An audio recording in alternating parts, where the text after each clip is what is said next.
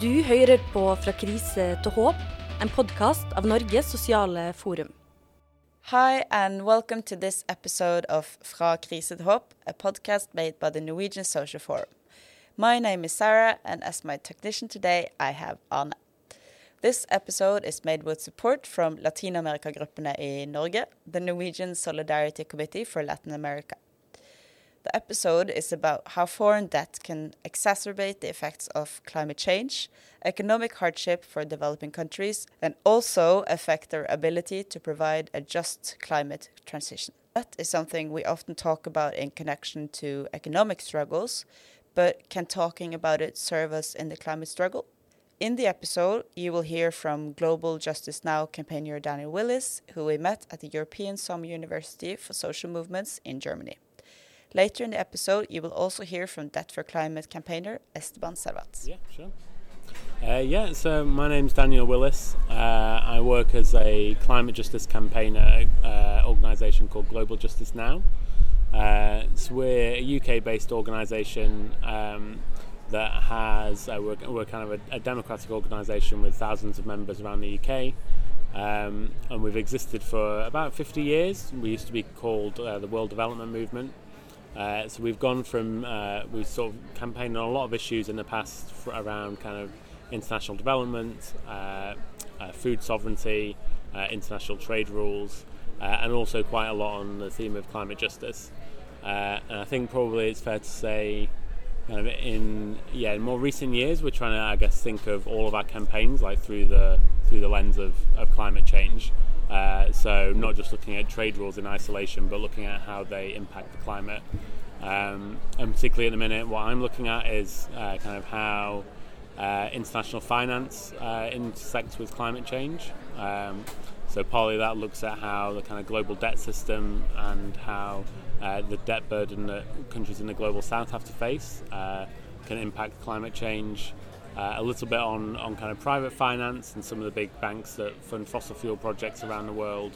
Uh, and yeah, also some research on public finances actually and, and how they've gone to fund fossil fuel projects in the past and, and what we can do to stop that. We asked Daniel how the idea of connecting debt and climate started. Um, well, it probably didn't. I, I think sort of the idea of connecting debt and climate change probably came from the global south really and that was kind of uh, that inspiration. So so we, we work with movements connected all over the world um, when it comes to debt uh, in, in Latin America uh, and South Asia. There's very active anti-debt movements that have been working on these issues for decades. Um, and I, I, guess the, the inspiration for it really came when you consider cases like uh, some of the islands in the Caribbean or the Pacific um, that are countries that often face like high climate impacts. Like in the Pacific, uh, there'll be the countries at the forefront of sea level rises. Um, you know, the Caribbean has kind of hurricane season and, and cyclones and other similar kind of extreme weather events every year. Uh, and every time a country um, experiences some of those events, uh, there's kind of economic impacts and damages that they have to deal with. Um, and the way that our economy is organised is that uh, no one is giving them compensation or providing kind of upfront cash to, to deal with those problems. Uh, time and time again, those countries that often already have high debt burdens are forced to uh, turn to the international uh, debt system and, and to loans uh, so that kind of uh, high interest for profit loans are offered to them instead of any kind of uh, you know proper relief. Um, and yeah, research has shown that kind of some of these islands, particularly in the Caribbean, have have had an increasing debt burden over the number of years as climate change has exacerbated. So I think it's a kind of really important piece of work to, to draw together in, in that sense. A country often mentioned when we talk about debt and climate is Mozambique, where climate change comes in combination with extreme weather events, conflicts, and of course, foreign debt. Yes, I think when it comes to climate justice and also kind of these arguments about debt and uh, a case for a country receiving reparations, Mozambique is for me uh, like the, the clearest example you can make. Um, so Mozambique was uh, a Portuguese colony. Uh, uh, which faced a huge amount of kind of wealth extraction through natural resources being taken out of the country, um, and after independence, it's sort of been uh, a country in which, yeah, uh, again, international corporations have gone back time and time again to extract resources, uh, and it's, it's had a huge, a huge debt burden. Um, partly that's been debt that it took on after cyclones Kenneth and Idai. Uh, they took a $120 million loan from the IMF after that. Um, but there's also been a kind of ongoing uh, scandal in Mozambique uh, involving uh, Credit Suisse, where uh, the government, uh, kind of in a manner that allegedly was corrupt, kind of took on a huge amount of debt, which the people of Mozambique basically paid for, uh, even though they didn't really see the benefits of that. Um, and yeah, the impacts with debt, you know, quite often the impacts are that governments in the global south have to put much more money into paying off that debt than they do their own public services. Uh, the research by Debt Justice, uh, even before the COVID 19 pandemic, found 64 countries that were paying more on uh, more on debt payments than they were on their national healthcare budget. Um, and if you compare it with kind of debt payments versus the amount spent on climate adaptation, so you know flood defences and similar things, uh, is is vastly more, kind of on average about five times more on debt than on, on climate, adaptation. Um, but the, the, other interesting thing with Mozambique is that actually it's uh, it's now also been exploited by by corporations and by public uh, banks uh, in the global north for uh, gas resources.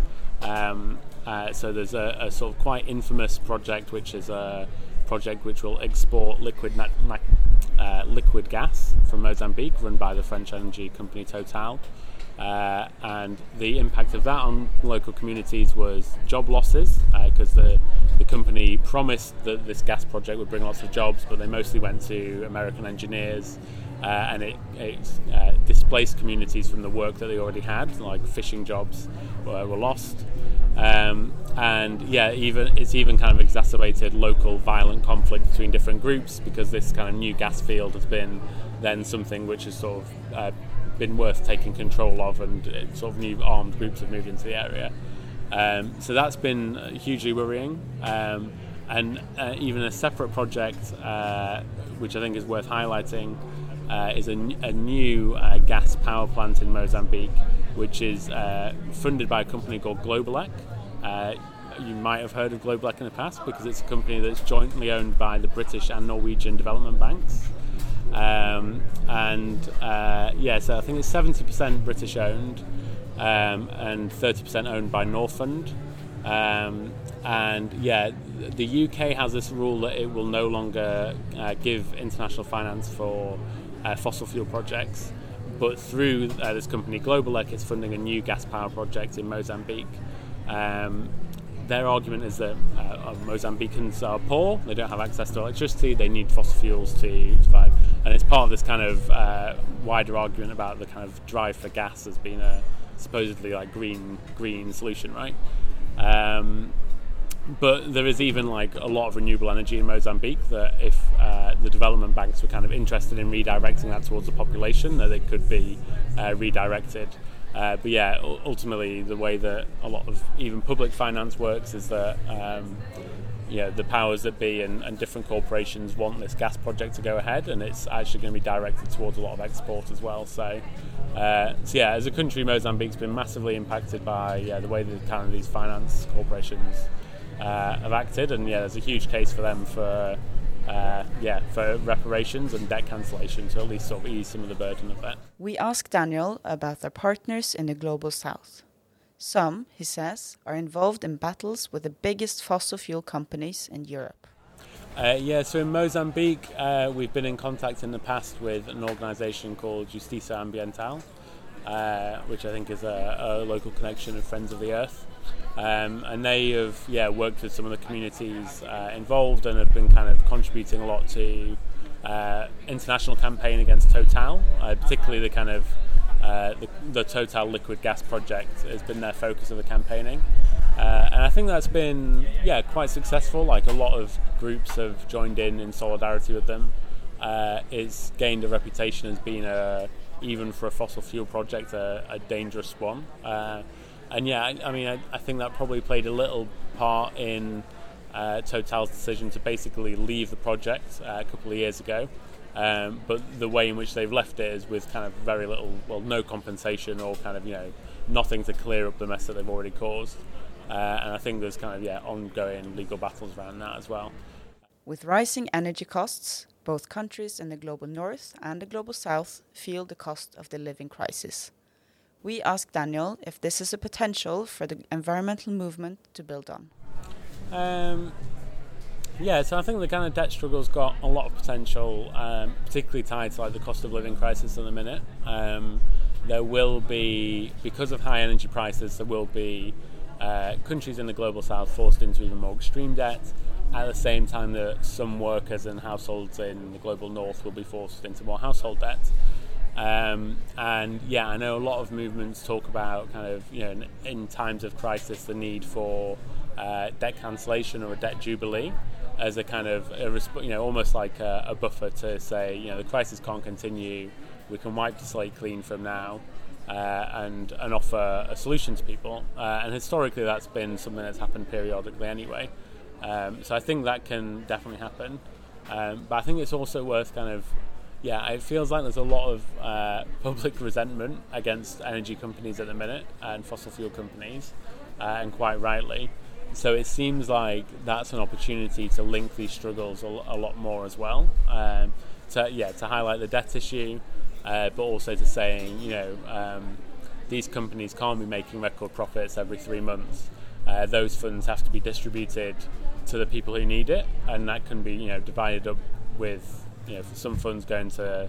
Uh, well, I mean, I guess we don't want them to make the profits in the first place, right? So you know the prices need to be dropped, which would um, you know bring the profits down anyway and ease the, the burden on the global north.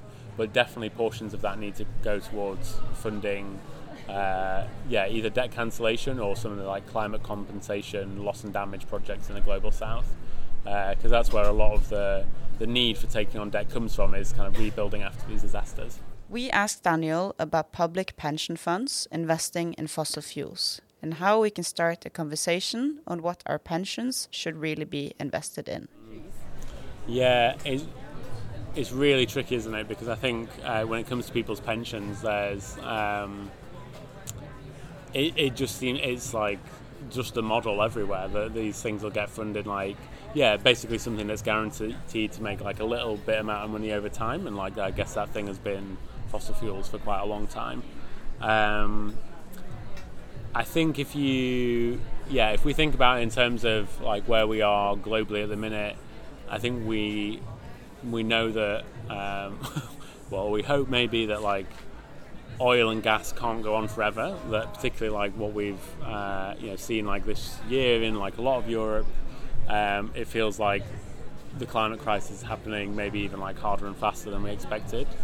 Um, so I guess it's maybe to start a conversation about whether these things are really like the safe investments that they once were. Um, but yeah, I, I, for me, like change has to happen like much more a regulatory level of you know and a level of like big collective action. Um, I think uh, you know, I mean, obviously, you know, people who are in a position to like maybe move their, you know, know how to do it and like move their pension out into other things, you know, by all means, you know, go ahead. Uh, but I guess the problem is the system really that we kind of live in, right? And it's uh, yeah, quite often the way in which like banks and other asset managers move these things about.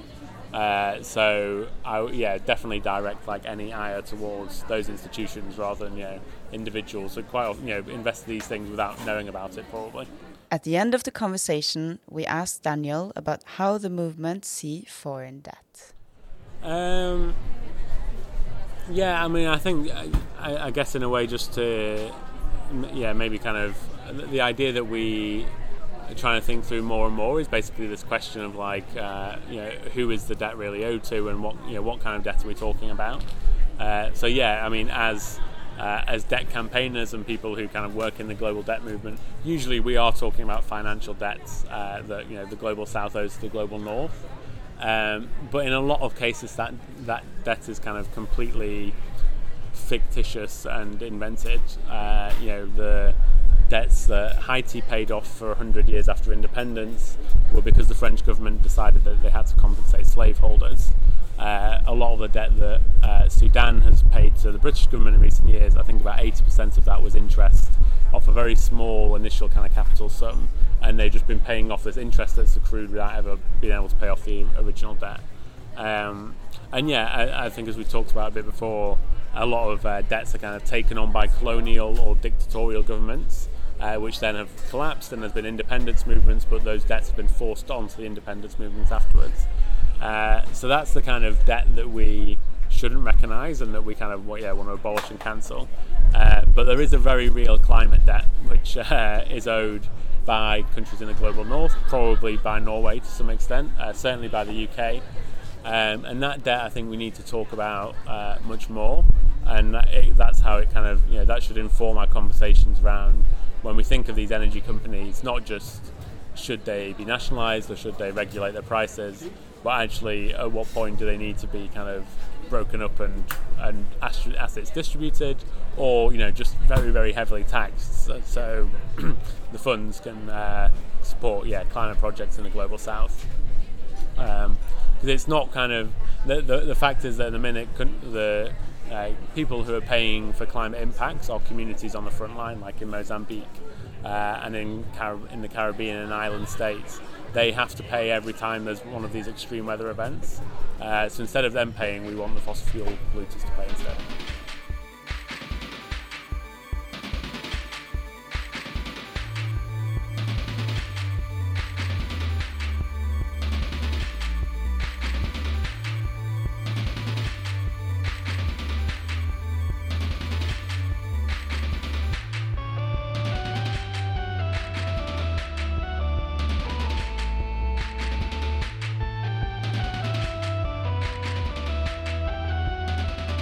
So, just uh, an addition, the interview with Esteban was done in the start of October. Uh, so, some of the actions that he mentions have already happened uh, when you listen to this episode. So, today we are lucky to have Esteban Servat as our guest, who is with us on Zoom. Esteban is a climate activist and biologist who has done a lot of activism on fracking and climate justice. In the past few years, he has also been the spokesperson or one of the spokespeople for the Global Debt for Climate campaign.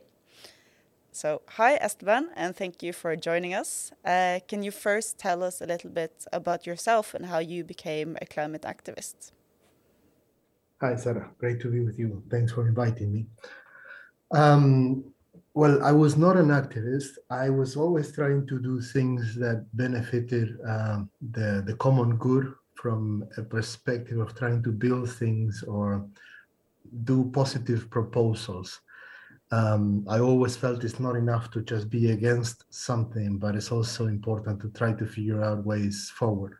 So, um, by training, I'm a scientist. I spent 10 years of my life working for the in the belly of the beast in the Silicon Valley for some of the world's largest uh, biopharmaceutical companies and um, I felt first of all alienated. I was just there trying to save money. To I was really young when I went there, and I thought the best I could do is to save some money so that someday I could go back home and do something meaningful. And along the way, I learned how um, the pharmaceutical industry is so messed up and so so you know we have a lot of diseases in the global south that are called neglected tropical diseases and they're not they're totally neglected by the companies from the global north uh, because there is no market for them. So the first uh, project i did was to go back to argentina and try to build a mostly state-owned entity that could actually develop solutions for these neglected diseases of the global south. We were pretty close to making it. It required political support uh, but then there was a right shift in the in the government in Argentina. The election of Macri put everything into it was frozen and and it was killed in the end. So then I moved to the countryside, which I had another project that was a non-profit project to build a multicultural, self-sustainable community. And that was my contribution to something it's environmental in the sense of trying to you know live more sustainably and invite people from anywhere around the world to build a home to have a, a place there for free so that we could build a community and, and repopulate an area that has been quite depopulated over a long crisis history of argentina but then uh, the, the point I became an activist at is that the place I was was called Mendoza province. It's a beautiful wine region in the west side of Argentina, and it just happens to be part of Vaca Muerta. When I got the farm there, Vaca Muerta did not exist, did not was not discovered yet. Fracking was not uh, uh, present in Argentina at the time, so there was no way to know. And so we were part of the world's second largest shale gas basin and fourth largest shale oil basin, which is Vaca Muerta. It's about the size of Belgium, and it's a major climate bomb for the planet that will consume a huge percentage of the global carbon budget. So at the time when fracking arrived and Mendoza being a desertic province where only 3% of the territory is under cultivation, 97% is desert, the reason I settled there was the history of Mendoza. The people are really aware of the value of water, so they mobilized uh, 10 years earlier against mega mining, and they actually prevailed by doing mass civil disobedience blockades. And these are not activists. Most of them are conservative, rural Catholic people, but they really carry it in their DNA to defend the water. So I knew I was I wanted to be in a place where there was this awareness to fight when needed for the for the environment for the water. So I just didn't expect that I would find myself in the middle of it when it came. Uh, so when fracking arrived, I had made some contacts in some key places of the agency that is supposed to to safeguard the water of Mendoza, and they were not comfortable with what the government was doing. By the way, the government then was mostly people who used to be anti-mining activists and they they were catapulted into government by the wave of um, the popularity that gave them after they banned mega mining.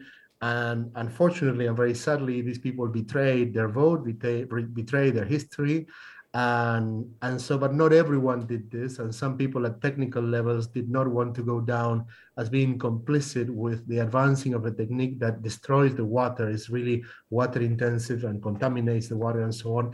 So they told me there was a study environmental impact study of the first four wells of fracking in mendoza which already was showing contamination of the underground water the what the aquifers and the government was very worried about that. So they were hiding it and planning to substitute it with a fake study. So I was able to get a hold on this from the whistleblower. And then we created a platform to try to leak it. You know, I thought to send it to WikiLeaks, but WikiLeaks was in the middle of a war with uh, the governments and uh, blocked everywhere. And this was a Spanish uh, language document of rural Argentina. I'm sure WikiLeaks had bigger things to do. So we created a platform called EcoLeaks, inspired by them. And in very basic, low tech South American fashion, we used that platform to publish this and also many more things that were sent to us later, revealing corruption, conflicts of interest.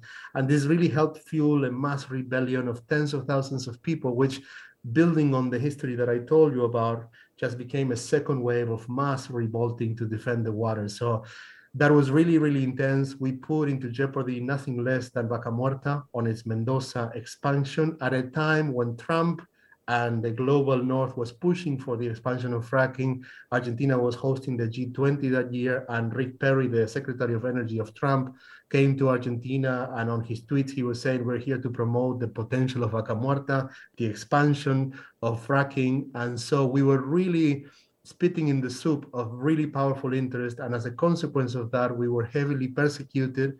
In my case, I got a lot of criminal cases, the most than anyone in Argentina for fighting fracking, all of them fabricated. The justice system is simply a weapon to persecute and silence and you know uh, neutralize activists and many were put in jail. Some had to go into internal exiles. And then in 2019, after successfully turning some of the cases against the government, the, the death threats against my family began to intensify. And I came to Germany in 2019, from where I have continued to do the work from the other side of the ocean to really try to close the imports to, to tackle the corporations like Norwegian company Equinor and other climate criminals like that that are doing there what they cannot do at home and it's really destroying our our lives, the lives of the indigenous people, the Mapuche, and uh, and the soil and the water eh, and the climate because it's a major source of methane. So that's kind of the story in a nutshell. Yeah, so I read a bit about the Vaca Muerta and it was really powerful uh, reading about all these people coming together and facing really hard repression and still uh, working against this horrible project. Um, so, uh, coming from that, uh, you have been part of the Debt for Climate campaign, but what is it? Uh, so, who's part of the movement? Yeah, the Debt for Climate campaign is a campaign that we started late last year uh, with a comrade from Argentina, where you know we are uh, one of the most indebted countries in the world, and with many comrades from around the world, from South Africa and and many others, and it's been growing exponentially since then. And personally, for me, um, you know, we are facing now the war, and the war has really thrown back, thrown us back many years in terms of climate action and even coal which was supposed to be left behind now is being reintroduced not to mention gas which was we were in the process you know we got with Ende Gelände to talk more about gas to, to tackle gas and LNG which is the way that this fracked gas is imported into Europe. And now obviously because of the desperation for gas is going in the wrong direction really really fast. So um, uh, from from this desperate situation, you know, at least personally from my perspective, my thinking is we need to find creative ways to tackle this problem because clearly it's not enough. What we're doing is not enough, even though we were working with most movements in Europe that were already targeting gas and doing global actions together with more than 30 countries involved, connecting frontliners with the counterpart in Europe, tackling the companies like Equinor with the actions in Norway, actions in Germany against Wintershall, against Total in France, and BP in England, all the big climate criminals, we were tackling them, uh, but it's not enough. So at the same time, my country and many others in the global south are critically indebted and quickly heading to a global debt crisis, beginning by global south debt crisis, where already there were many of them critically indebted before the pandemic. The pandemic forced them to even borrow more money, always from global north institutions, mostly IMF, World Bank, institutions that are well known for their colonialism, their debt trap diplomacy, which is actually a force for the expanding uh, fossil fuel industry. Basically, knee is a, um, a debt is a knee on the neck of the global south. Colonialism works that way today. We were, you know, in, in Argentina, Latin America was a colony of Spain mostly. But when we ended being a colony of Spain, many countries went right into becoming a neo colony of England through debt. Argentina was no, no exception to that. So we need to tackle this debt because this debt is behind forcing the global south countries to extract more and more fossil fuels because it's not only a financial stranglehold by a, but a political one where this huge interest make it impossible to pay this debt back. So in many actually the debt has been paid many times over just in interest. And also it's a political stranglehold because it gives power to the multinational companies from the global north which the IMF and the World Bank work for because it's all part of one power structure to extract more and more oil and gas. So in the case of Vaca Muerta, it's very explicit. There's even a New York Times article explaining how the record loan that the IMF gave Argentina a few years ago, about four years ago, was actually it's actually record loan, the biggest in the history of the IMF, illegitimate. It was delivered to deliberately meant to help Macri win the re-election, which luckily he lost. But he this was breaking the, the IMF's own statute to do that under pressure from Trump, but it was meant so that it could be paid back from extracting Vaca Muerta. So Vaca Muerta is one of the ways for Argentina to pay that debt. This was understood, and that's why this loan was pushed down the throat of Argentinians, even though nobody benefited from it except Macri and a few establishment financial powers, because the money came in and went out of the country right away, as it happens in most cases of the global south.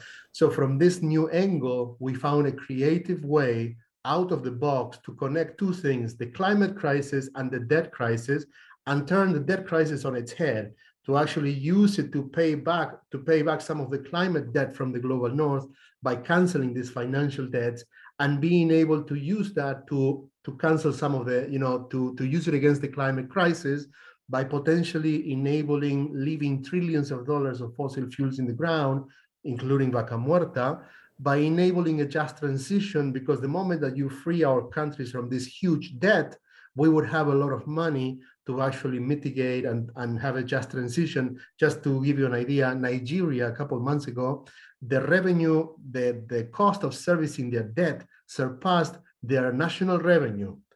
And in many other countries like Argentina, it's like 80 cents of every dollar, 50 cents of every dollar goes to paying back the interest on these loans. So this is a huge theft from the people, from servicing the social needs of the people and the, the, the, the education system, healthcare, and so on. So we need to cancel this huge injustice in order to enable trillions of dollars of, of debt to be uh, to be to become available for these countries to actually be able to fund a just transition. Yeah, so the object uh, or goal of the campaign is for debt cancellation in a large scale uh, in the global south. But to ask the really obvious question, why haven't we done it already? Uh, can't the debt just be cancelled? Well, the idea of debt cancellation is as old as the Bible. In fact, there is a tradition in many religions for debt cancellation. It's called Jubilee in the in the Christian tradition. And basically in the ancient times, after a few decades, debt could become so unbearable that it could lead to revolutions. So the monarchs of the time understood that, and every few decades they used to cancel the debt. Or when a new monarch would take power, they would cancel the debt of the people to as an act of grace, you know, for people to to think what a gracious leader we have. And um, so that uh, it has a long tradition. We are not coming up with anything new in that regard, but what is new is to connect that to the climate crisis and to, to turn things around because that gives you a strategic hold on the global north own interest for survival. Otherwise, when you're demanding that cancellation, you're almost demanding it like an act of, of solidarity, an act of grace from the global north. But we are saying, no, this is your obligation. You need to pay back your climate debt, start by canceling the financial debt. And this will benefit you as well, because leaving trillions of dollars of fossil fuels in the ground would be a benefit for all of humanity, not only for, for the global south. Yeah, and you say that it's not a new thing. And uh, wasn't it uh, Thomas Sankara who uh, created the movement of developing countries that did not want to pay, that they wanted to boycott the down payments of of loans? Yes, and he was assassinated because of that. So actually, in the next few days, beginning today, we're doing a wave of actions globally to mobilize uh, to cancel debt and so on. So actually, in two days, there's going to be thousands of indigenous people mobilizing in uh, Paraguay, for example, incorporating the debt cancellation demands. On the 15th is the 35th anniversary of the assassination of Thomas Sankara, who was killed briefly after the speech that you're referring to, to create a united front against debt from the global south. He said, unless we create a united front uh, I will not be there at the next meeting. I'll be assassinated. And it happened. So we need to follow on the footsteps of Sankara and many other great visionaries to build that uh, global front. And you ask, why hasn't it happened yet? And the reason it hasn't happened, as the way I see it, is what we need to do is create a global movement from the bottom up, a grassroots movement that connects workers, with climate activists and indigenous rights activists and social activists in an unprecedented coalition in its breadth, in its scope, and its globality to actually begin to build power, not only do performative actions like is mostly in the case of Europe or like in Germany, even Ende Gelände can do some disruptive actions, but it's just for one weekend and then go home. We need to bring the workers more into the climate fight, and we need to bring the climate fight more into the workers' needs and Debt for Climate is actually speaking to the workers because it's a very uh, tangible and real need for them to cancel this debt, which is a direct knee on their neck.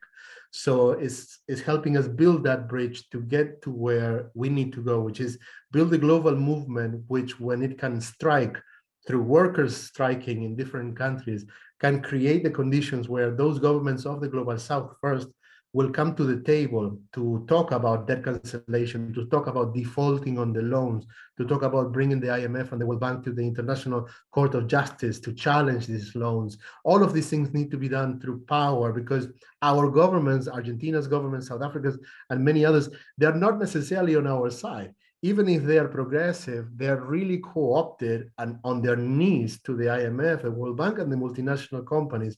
So we need to first pressure them with your help in Europe and in the global north to amplify, to hit the centers of power. But first, we need to build enough power to force enough governments to do what Sankara was calling for, a mass front against debt where 10, 20, 30 countries can begin defaulting together.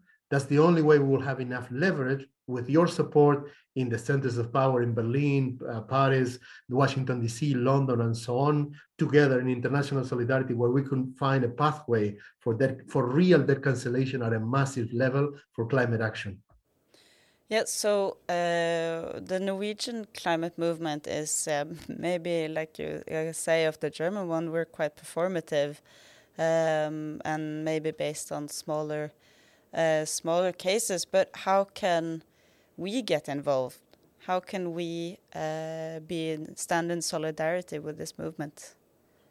Well, whenever something happens in Norway, in Oslo, uh, in Denmark, in Germany, in France, for the people in the global south, for us, it means a lot. It means the world to us because, first and foremost, it's a huge um, um, backing, it's a huge influence, uh, like a psychological support to, to feel that we are not alone, that the people in the centers of power have our backs, even if it's a small action, a performance, or even if it's a more disruptive action of civil disobedience, even better. But anything is already a huge psychological help because you feel, well, the people that have the closest access to power are recognizing the importance of what we are doing. And if now there will be 2,000 people in Argentina, um, 7,000 in Paraguay, they will know that people in Norway, in Germany, in France, in England, they have them in DC, in Washington, DC. And this helps grow the momentum, grow the excitement, grow the feeling that it's possible and that they are not alone and that they are less at risk of persecution or, or, or death when the people in Europe are watching and amplifying and sharing so this is international solidarity. That's the power. Even if your action can be small, the fact that you're trying, the fact you're there, you're connected with the people in the most affected countries, and together we can find the formula. I think that's the formula to achieve great things going forward. It needs to grow, but we need to plant the seeds until we can become millions on the streets and the workers actually take a more protagonist role and begin affecting real strikes at a national level in the countries of the global south that can lead to the governments sitting at the table and accepting these demands. Yeah and i think um, one of like his of the close hist historic things that i can remember that was a bit similar is um, is the which COP was it? Maybe COP 21 or something in Poland, where there was a massive walkout, and it was the whole civil society from the global south, but then also uh, from Europe, from the US, um, in an act of solidarity. So maybe we can try to channel some of the um, of the bonds that we have. Um, yeah, but debt for climate is a bit uh, complicated for many people, or I hadn't heard a lot about it before. Uh, before I uh, went to the European Summer uh, University for Social Movements, uh, but uh, it's connected to right, but not the same as loss and damage and reparations and and all of those issues. But how um, how can we make people understand, or maybe climate activists understand how important it is?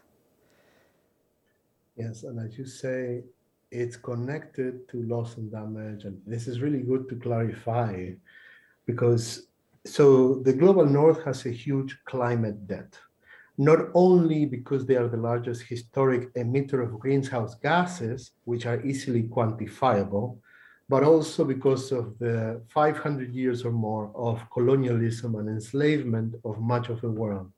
Now, there is a lot of demands regarding all of this criminal history, which include the, the need for them to pay for reparations, to pay, which is reparations from slavery, from colonialism, to pay loss and damage, which is to pay for the consequences of the climate crisis they have created and its impact in the most affected countries.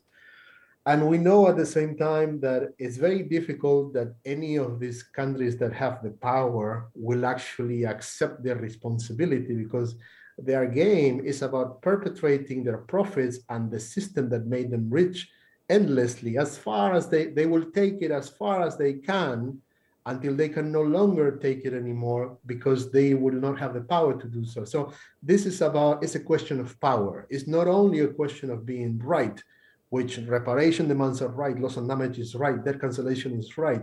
The question is a more strategic one. How can we build the power to make it happen? To go beyond being right to being real, to make it real. So what we found is that when you look at all the things that we need to demand from them, uh, the, the smallest, the weakest link in that chain is debt.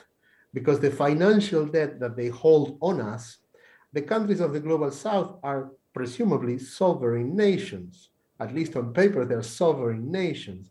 And the debt, the financial debt, has already passed hands and is on the balance sheets of the global south. So if enough countries of the global south will default and say, we're not paying this, we don't owe you anything, you owe us, and we're going to take this financial debt as the first down payment of what you owe us, which is the, the climate debt is many, many orders of magnitude higher than our financial debt, and that's in the trillions. So it's the, the first step that we need to take to build enough power. It allows us to bring workers together with climate and other activists so that we could build enough power to hit them at something that is so indefensible, that is illegitimate, that can be canceled. They have canceled it many times in history for other topics, like for Germany after the war, they canceled the debt of the Nazi regime to prevent Germany from falling into the Soviet sphere of influence. So if they were willing to cancel the debt of a country like Germany after the Holocaust, uh, because of the threat of communism, they need now, we need to build a global common sense an agreement with millions of people agreeing on this that canceling the debt of the global south to help avert the worst of the climate crisis must be a no-brainer and if enough people are agreeing on that, it's the first thing they need to do. Because otherwise, you know, talking with many comrades, of course, we support all the demands for debt for um, uh, loss and damage and reparation. Talking to some friends from Uganda uh, who are working for loss and damage, one of them said, "Yeah, I get it. Now we need to demand that cancellation first because if we get loss and damage payments." All it the money that comes in yeah. will go to pay the interest on the loans. So it's like putting water in a bucket full of holes unless you first cover the holes, the water will never stay in the bucket. Yeah, it goes straight back to the International yeah. Monetary Fund and uh, the World Bank, so straight back into the pockets of the global north. Um, so just uh, we have to round up uh, now, I think, but very quickly, where can uh, where can we learn more about this? Uh, where do you uh, recommend that we look if we want more information? Yes, so Debt for Climate is a decentralized campaign, and there's been campaigns, the movement being uh, created like uh, in, in Switzerland, in Germany, all around the world. There's groups of Debt for Climate, South Africa, Debt for Climate, Argentina. Uh, I don't know right now if there's a Debt for Climate Norway, there is a Debt for Climate Finland for sure. And uh, we have a website and we have some documents that we have created to explain this, like a, a fact sheet with all the information or the most important parts and references. So you can always contact us by writing at info at debtforclimate.org. That's the email. And also the handles for social media is just at Debt for Climate, both Instagram, Twitter, and, uh, and Facebook. And so you can get in touch and get more information, get involved, take part in the actions, and actually multiply, make it your own, and create your own chapter so that it can um, it can help build power in Norway as well and get the population to talk about this. That I would really recommend doing. Uh, thank you uh, so much for coming to talk with us today, Esteban. Uh, I feel like I learned a lot, uh, and I feel uh, motivated to get to work on debt cancellation uh, for climate uh, as sort of, for me, it feels new, but uh, as maybe the most obvious solution uh, that we have right now. So thank you so much. Thank you very much for helping us expand the work. Du har hørt podkasten Fra krise til håp fra Norges sosiale forum. Er du spørsmål til denne episoden, kan du sende til podkast.globalisering.no. Flere episoder hører du der du hører podkast.